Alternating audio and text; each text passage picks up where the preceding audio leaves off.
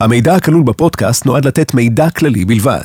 אין להסתמך על המידע או לראות בדברים ייעוץ משפטי, המלצה או תחליף לייעוץ משפטי או חוות דעת משפטית. לקבלת טיפול או ייעוץ משפטי יש צורך לפנות לעורך דין המתמחה בתחום הרלוונטי באופן פרטני.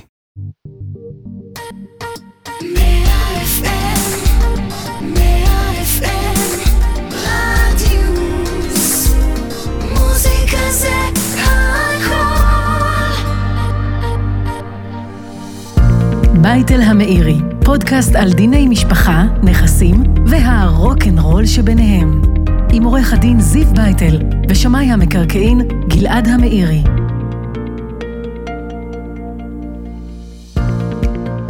שלום לכם וברוכים הבאים לבייטל המאירי, פודקאסט על ענייני משפחה, נכסים וגם קצת רוקנרול. נתחיל בלהציג את עצמנו, אני גלעד המאירי, כלכלן, משפטן ושמאי מקרקעין, ואיתי כאן יושב אה, עורך דין זיו בייטל, מומחה בדיני משפחה וירושות, ואנחנו שמחים להצטרף לנבחרת הפודקאסטים של רדיוס 100 FM. מדי שבוע נדבר כאן בפודקאסט על סוגיות משפטיות שבהם בני משפחה נאלצו להתמודד עם מקרים כאלה ואחרים שבמרכזם עמדו דילמות של רכוש, של נכסים, וכאן גם מגיע השלב של הרוקנרול והבלאגן שהדבר הזה יכול ליצור לנו. ולפני שנצלול למקרה הראשון שלנו, נזכיר לכם שאתם יכולים להאזין לנו במגוון הפלטפורמות, באפליקציה, באתר, בספוטיפיי, באפל פודקאסט, בגוגל פודקאסט של רדיוס 100 FM. וזיו, אנחנו מדברים על אה, דיני משפחה, ואנחנו נתחיל היום לדבר על ירושות. וירושות, האמת היא, מה הבעיה?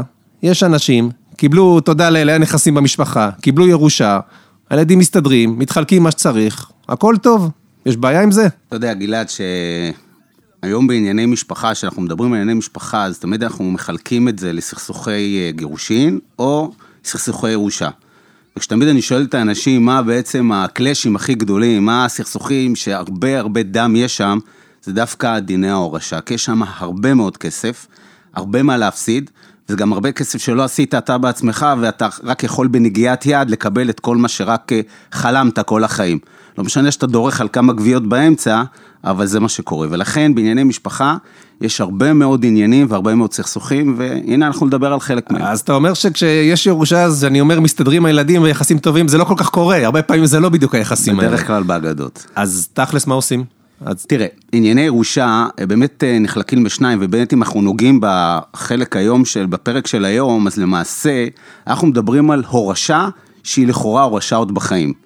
זאת אומרת, אנחנו נמצאים ביכולת, על פניו, אדם יכול להוריש את נכסיו אחרי 120 באמצעות צוואה או צו ירושה, או שהוא יכול לקבל החלטה, אני כבר, את, במקום, כמו שאתה בא אומר, ואומר גלעד, בוא נימנע אולי מכל הסכסוכים של היום שאחרי, בוא נעשה את זה כבר היום, אולי נוריש כבר בחיים, נחלק את השלל כבר היום. וואלה, מעולה, פתרנו את הבעיה, תודה רבה שהאזנתם לנו, אוקיי, מעבירים בחיים, הכל בסדר. פרק הבא. אוקיי. אז זהו, זה לא כל כך פשוט. אספר לך סיפור, גלעד. כן.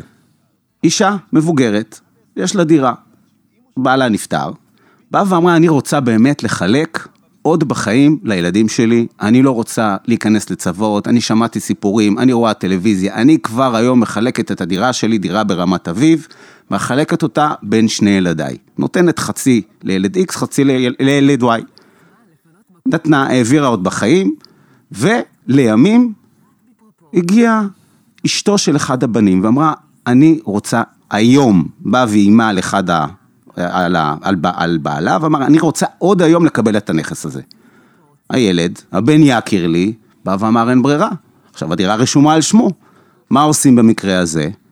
עושים תביעה לפירוק שיתוף. המשמעות של תביעה לפירוק שיתוף, זה למעשה עוד בחיי האישה המבוגרת, שבכלל תכננה, מה שנקרא שזה יקרה אחרי 120, עוד בחיי האישה, עוד בחיי האימא שלהם, נאלצה להיפרד מהדירה שלה ולעבור לרחוב בעצם, וזאת הבעיה הגדולה. אז, אז בעצם מה שאתה אומר, שלמרות שאמרנו שירושה זה בעיה, אז בואו נעשה העברה בחיים, עכשיו גם העברה בחיים מסתבר שזה ברוך לא קטן. בעצם גם כאן אנחנו, יוצא שמי שעושה העברה בחיים ורוצה שהדברים יהיו בסדר, הוא בעצם סיכן את עצמו. הוא בעצם נמצא במצב ש... ש... גם זה לא טוב, אז בעצם למה לעשות את זה? למה, למה להסדיר ולא לחכות עד 120?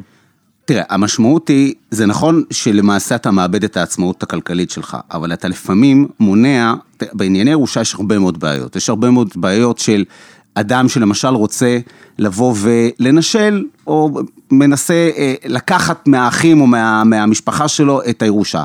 מנסה לקחת, הרי מה, מה הדרך האלטרנטיבית שקיימת? זה שאדם בא, כותב צוואה, ובצבא הזאת, במערכת הזאת של כתיבת הצבא, הוא יכול לגרום לזה שבעצם יתר בני המשפחה מנושלים. זה מסמך אחד שיכול בעצם להכריע את כל אה, סד, את כל מערכת העיזבון הכוללת.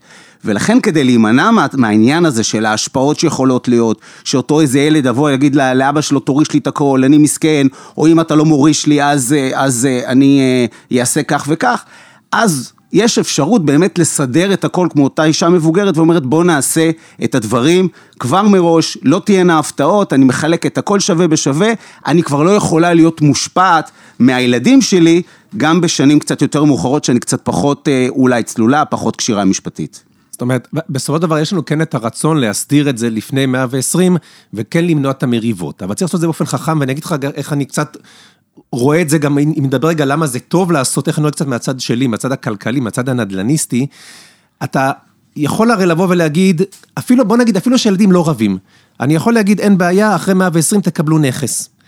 אבל לפעמים יש לך רצון לתת לילדים את זה כבר בחיים, שכבר יהיה להם נכס ביד, רשום על שמם, כי זה כבר נותן להם איזשהו ביטחון, לא רק ביטחון פסיכולוגי, ביטחון פיננסי אמיתי. זאת אומרת, בא בן אדם, יש נכס על שמו.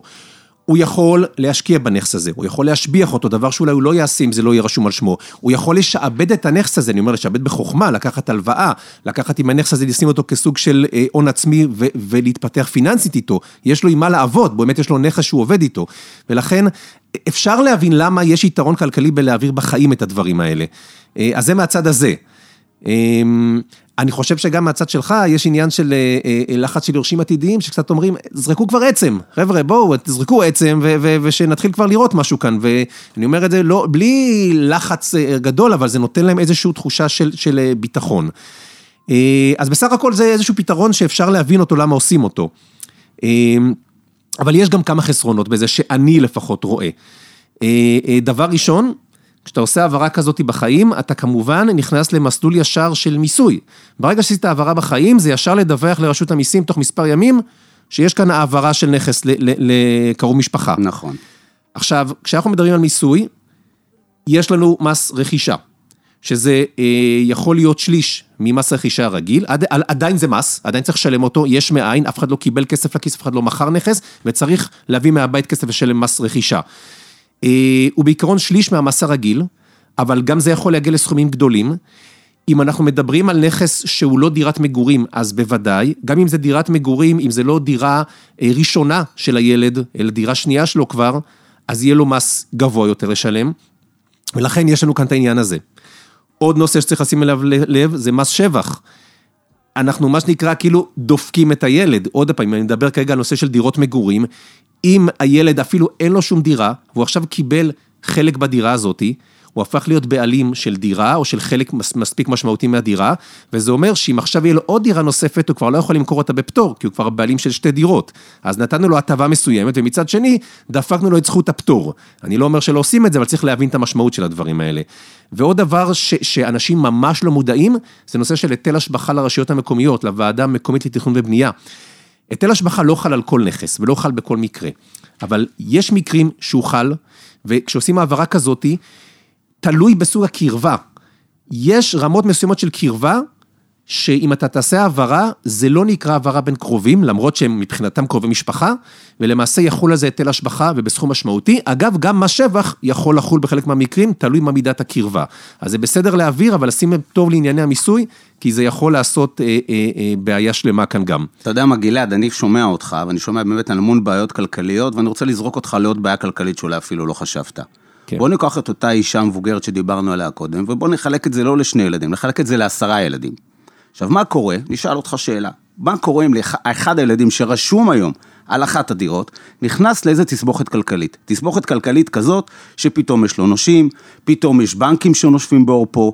יש פה סכנה אמיתית לזה שבן אדם שנמצא עם איזשהו נכס מסוים, פתאום יבואו צידי ג' בכלל ויגידו, טוב, אתה במסגרת אותה, אותו חלק שיש לך בדירה, אתה חשוף היום וחושף גם את האימא, את אותה אימא מבוגרת שגרה בבית המסכן הזה, וגם את יתר האחים שלך, לסיטואציה של פירוק שיתוף, לסיטואציה של מכירה באינוס של אותו גורם שרוצה לממש את, את, את אותו חוב שיש לו, והנה אתה יצרת לעצמך בכלל תסבוכת של צידי ג' שיכולים להיכנס בנעליים, שלא קורה במידה ויש אישה שמסודרת וזה רק אחת שנמצאת, או זוג הורים שנמצאים בדירה, בדירה שלהם, שהצליחו אה, אה, לגור בה כל חייהם, ולא נדרשים לכל הצידי ג'. זאת אומרת, יש פה יתרון מאוד מאוד גדול למערכת כזאת של עצמאות כלכלית של אותו אדם שרוצה להוריש, ולאו דווקא הורשה בחיים, למרות שעוד פעם, הורשה בחיים, שזה בעצם מתנה בחיים, יש לה את היתרונות שלה, יש לה את הפתרון הבעיות שלה, שאנחנו עוד לא נגענו בהם, כל הבעיות שאחרי זה, המלחמות האינסופיות בבתי משפט, שניגע בהם אולי בפרקים אה, אחרים, אבל בגדול, הנושא הזה של הורשה בחיים, בעיניי, פסולה. אני אגיד לך עוד דבר בעייתי בזה, ולמרות שתכף נדבר גם על דברים כן טובים, אני חושב שגם יש כאן פתח לסחטנות. כי אם עכשיו הילדים הם אה, אה, בעלים של הנכס, אנחנו מדברים על נכס שכאילו נתנו להם בחיים, אבל בעצם לא התכוונו עדיין שהם יהיו באמת הבעלים. זה רק איזושהי מין העברה פורמלית, אה, כשעוד לא התכוונו שיעשו עם זה משהו. פתאום יבוא אחד הילדים ויגיד, תקשיבו, אם לא עושים מה שאני רוצה, אני מוכר את הנכס, אני מממש אותו, הוא, הוא בעלים לכל דבר. אה, ולכן באמת, אתה מצד אחד ניסית למנוע בעיה עתידית, אבל אולי פתחת בעיה אה, נוכחית בדבר הזה. אה, ואני חושב ש, שאחד הדברים שצריך לשים לב, או הפתרונות, או, או התבחינים, זה קודם כל להבין, וזה מתקשר לסיפור שסיפרת, שסיפרת בהתחלה, זה להבין אם הנכס שאנחנו נותנים זה נכס שהמוריש העתידי גר בו, או מחזיק, או זה יכול להיות גם עסק, חנות שיושב בה, או לא.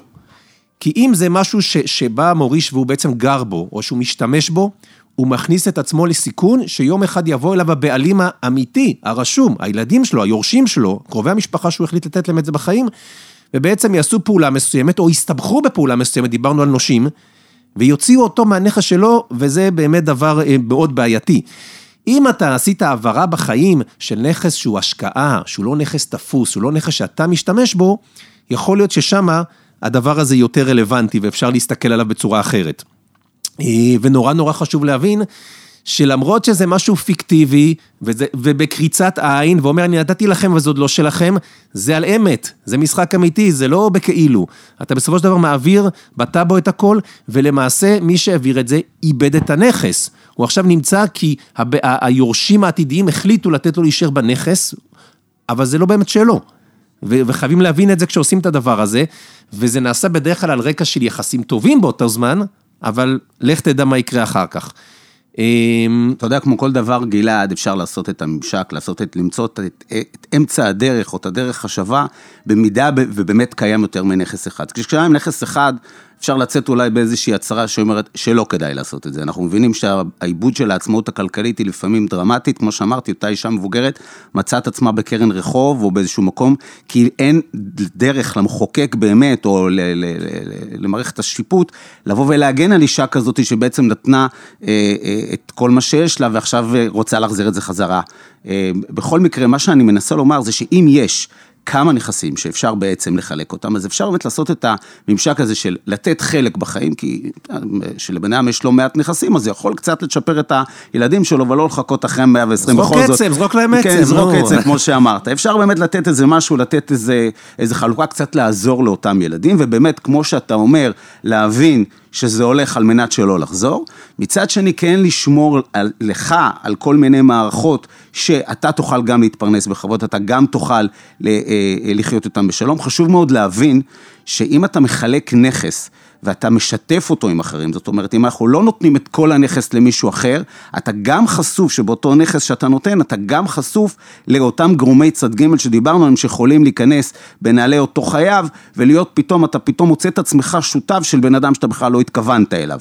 מה גם שאתה גם, אותו אדם יכול להעביר את זה לאחרים, זו העברה בלתי מוגבלת. תחשוב, מישהו שקיבל את הנכס, עכשיו רוצה למכור את חלקו למוישה זיכרוך, זה mm. משהו שבעצם אתה גוזר על עצמך להיות שותף של אנשים כבר יצא לי לראות אנשים שנכנסו ונתנו איזשהו נכס, היה לי איזשהו מקרה עם אה, מרכז מסחרי מאוד גדול, שהיו שותפים שם בעל ואישה, והבעל מכר את הזכויות שלו לגורמים עבריינים. האישה מצאה את עצמה, אישה תמימה, תמימת דרך, שחסכה יחד עם הבעל את אותו נכס, פתאום מצאה את עצמה עם איזה עבריין מאוד מאוד מוכר, ולצעריו נאלצה, נאלצה להיפרד מאותו נכס, בגלל שלא רצתה להתקשר בלחצים כאלה ואחרים של אותו גורם. לכן, ההעברה הזאת היא העברה מוחלטת, ונכס שאתה שותף בו, הוא נכס שהוא עוד יותר מסוכן על אחת כמה וכמה.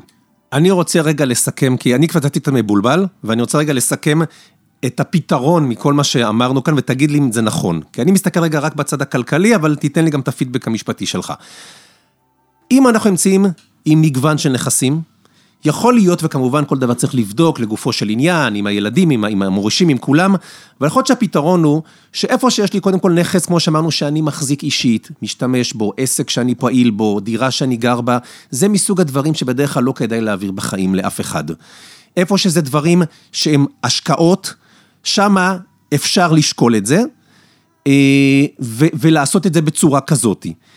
ואולי לעשות הצרחה בין הדברים, אבל מכל מה שאתה ככה מתאר, אני איכשהו מרגיש שיכול להיות שעדיין איכשהו הפתרון הוא כן להגיע בסוף לאיזו הסדרה של צוואה מסודרת מראש, ולא לגשת לנושא הזה של חלוקת נכסים בין החיים, ואם כן ניגשים אז בפינצטה, לבוא ולראות איפה יש, כדי לתת מענה לקשיים מסוימים, לפתרונות מסוימים, לדברים ש, ש, שילד צריך עכשיו, כמו שאמרנו, איזה פתרון פיננסי מסוים, איזה דירה שהוא כבר יוכל להשתמש, אתה רוצה אולי להגן עליו מול, מול אחרים, אבל אנחנו נמצאים כאן איזה, איזשהו מתווה של הצרחה של דברים, ו, ולא...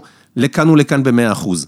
אתה צודק מאה אחוז, אתה צודק, אני יכול להגיד לך שדרך המלך באמת של, אה, אם אנחנו מדברים על בן אדם שיש לו ריבוי נכסים, דרך המלך זה באמת לעשות את זה באופן מסודר בצבא ולאו דווקא בחיים. כמו שאמרנו, חיים חזקים יותר מהכל, ואנשים שצברו לא מעט ורוצים קצת, אה, אה, קצת לתת לילדים, אז זה כמובן לא מונע מהם לתת את זה, אבל כן, אני חושב לשמור את החלק הארי, אם לא המוחלט, לשמור את זה באמת ליום שאחרי 120. גם פה יש בעיות לא פשוטות, כי צריך להבין, ואולי נדבר על זה בפרקים הבאים, יש בעיות של איך עושים את אותה חלוקה, כי אתה הכנסת שניים, שלושה, ארבעה, חמישה אנשים לנכס מסוים, לא בהכרח הסדרת איך מממשים אותו נכס, שלא לדבר על נכסים שהם קצת יותר מורכבים, זה, איך אומרים, אה, אה, סוגיות אחרות, אבל עדיין אנחנו פה מדברים על מערכת שהיא הרבה יותר בטוחה, ובעיקר גלעד, מערכת דינמית. צריך להבין, וזה עוד לא אמרנו, צוואה לעולם דינמית. המשמעות היא שילד שמתנהג יפה היום, ולא בהכרח מתנהג יפה מחר, אפשר לשנות את הצוואה ואפשר לשנות אותה כמה פעמים, בניגוד להעברה ללא תמורה שדיברנו, שזה מה שנקרא one way. נתת, נגעת, נסעת.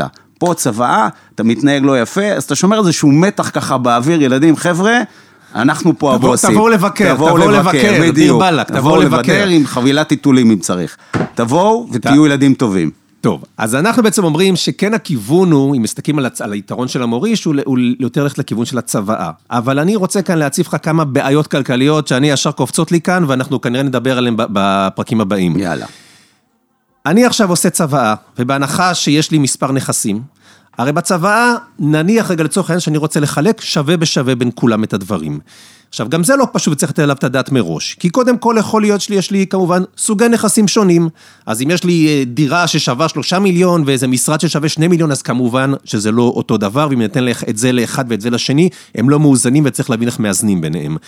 חוץ מזה, נניח שאפילו יש לי שני נכסים זהים, שתי דירות בתל אביב, אחת שווה שלושה מיליון, השנייה שווה גם שלושה מיליון, אבל... אחת היא בבית חדש, והיא שווה שלושה מיליון, האחרת היא באיזשהו בניין ישן, וגם היא שווה שלושה מיליון, אולי יותר גדולה, אולי באזור יותר טוב, והיא בכלל יש לה צפי של פינוי-בינוי. ולכן אני אומר, היום נתתי לכם בצוואה משהו ששווה אותו דבר, אבל אחרי 120 כנראה שדבר משתנה בכלל, ובסוף אחד מקבל הרבה יותר מהשני. זאת אומרת, איפה עובר הקו? אנחנו רוצים לעשות את הצוואה או את החלוקה הנכונה היום לפי ערכים היום, או להיות צופי פני עתיד, ומצד שני, אנחנו לא באמת יודעים איך הולך להיות העתיד ומתי זה יקרה. אבל זה גם מתקשר לדינמיות של הצבא, שיכול להיות שזה דברים שצריך לשנות אותם תוך כדי. אה, היבטי מיסוי, אני נתתי לבן אדם שתי דירות זהות, אבל כל אחת נרכשה בעבר במועד אחר. כשימכרו אותן, בהנחה שאין פטור, ובהרבה פעמים אין לנו פטור ממכירת דירות היום, ובוודאי אם זה לא דירות אלא נכסים אחרים, יהיה מס שונה. אז אני קיבלתי דירה של שלושה מיליון, שכשאני אמכור אותה, המס עליה יהיה 200 אלף שקלים, ואחי קיבל דירה של שלושה מיליון, אני אפילו מקצין באותו בניין, באותה קומה, אבל שנקנתה במועד אחר, ועליה המס יהיה חצי מיליון שקלים. אז לא קיבלנו בית אותו דבר. גלעד, אתה נגעת בדיוק בנקודות שמפרנסות במרכאות או שלא במרכאות אותנו עורכי הדין. אותי, גם אותי. גם אותך, גם אותך. למעשה, אנחנו באמת נוגעים באותם דברים של האסימטריות שיש לך לפעמים בהורשה. כי אתה יודע, אתה רוצה לדעת שבסופו של דבר כל ילד קיבל את חלקו, ובדרך כלל במשפחות, אתה רוצה שכל אחד מקבל את החלק השווה, ואז בעצם אין לך פה באמת אה, אה, סיבות לסכסוכים, אבל כן, החיים יותר חזקים מהכל. יש דירות תמ"א שפתאום מכפילות את עצמם, כבר יצא לנו לראות דירות שמגיעות למערכות אה, אה, אה, מוכפלות ואם לא יותר מזה, ובכל מקרה אנחנו מדברים באמת על אנשים שאחר כך מגלים שהם יצאו במרכאות נדפקים מאותה צבא, כי כשעשו את הצבא לפני 20-30 שנה, לא ידעו בכלל שזה אה, קרה, או שהורישו איזה מגרש מסוים, אז לכן מנסים אותם אנשים לעשות לעצמם איזשהו סוג של אה, אה, תיקון העיוות על ידי הליכים משפטיים מאוד מאוד קשים. ואם אני אשאל אותך גלעד, אם אתה יודע בממוצע כמה זמן לוקח לאנשים לסיים סכסוך גירושי, אה, סכסוך משפ, אה, ירושה בבתי המשפט, אם אתה תגיד חמש-שש שנים, אתה לא, לא לגמרי טעית. אנחנו מדברים פה על סכסוכים מאוד קשים, מאוד יקרים ומאוד בעייתיים, ולכן כדאי לעשות את התכנון הזה מראש. טוב, אז אנחנו בעצם מסכמים כרגע שכנראה מהפרק הזה מה שעולה לנו זה שצוואה טובה, מסודרת, מתוכננת, גם בצד המשפטי שלה, גם בצד הכלכלי שלה, זה כנראה הכיוון.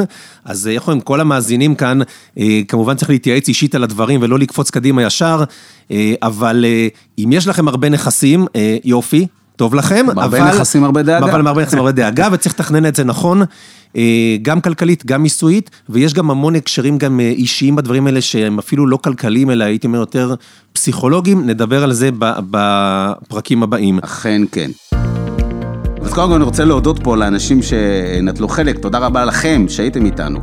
אה, לפרק הזה. אתם יותר מוזמנים להאזין לפרקים הנוספים של אה, בית אל אמירי במגוון הפלטפורמות של רדיוס 100 FM, באפליקציה, באתר, בספוטיפיי, באפל פודקאסט, בגוגל פודקאסט של התחנה. אנחנו מעדכנים בפייסבוק, באינסטגרם של רדיוס 100 FM, כשעולה פרק חדש. אז אתם מוזמנים לעקוב אחרינו, יהיה מאוד מעניין. תודה לצוות שלנו המדהים פה באולפן. תודה לך, מאירי. תודה לך, בייטל. נשתמע בפרק הבא.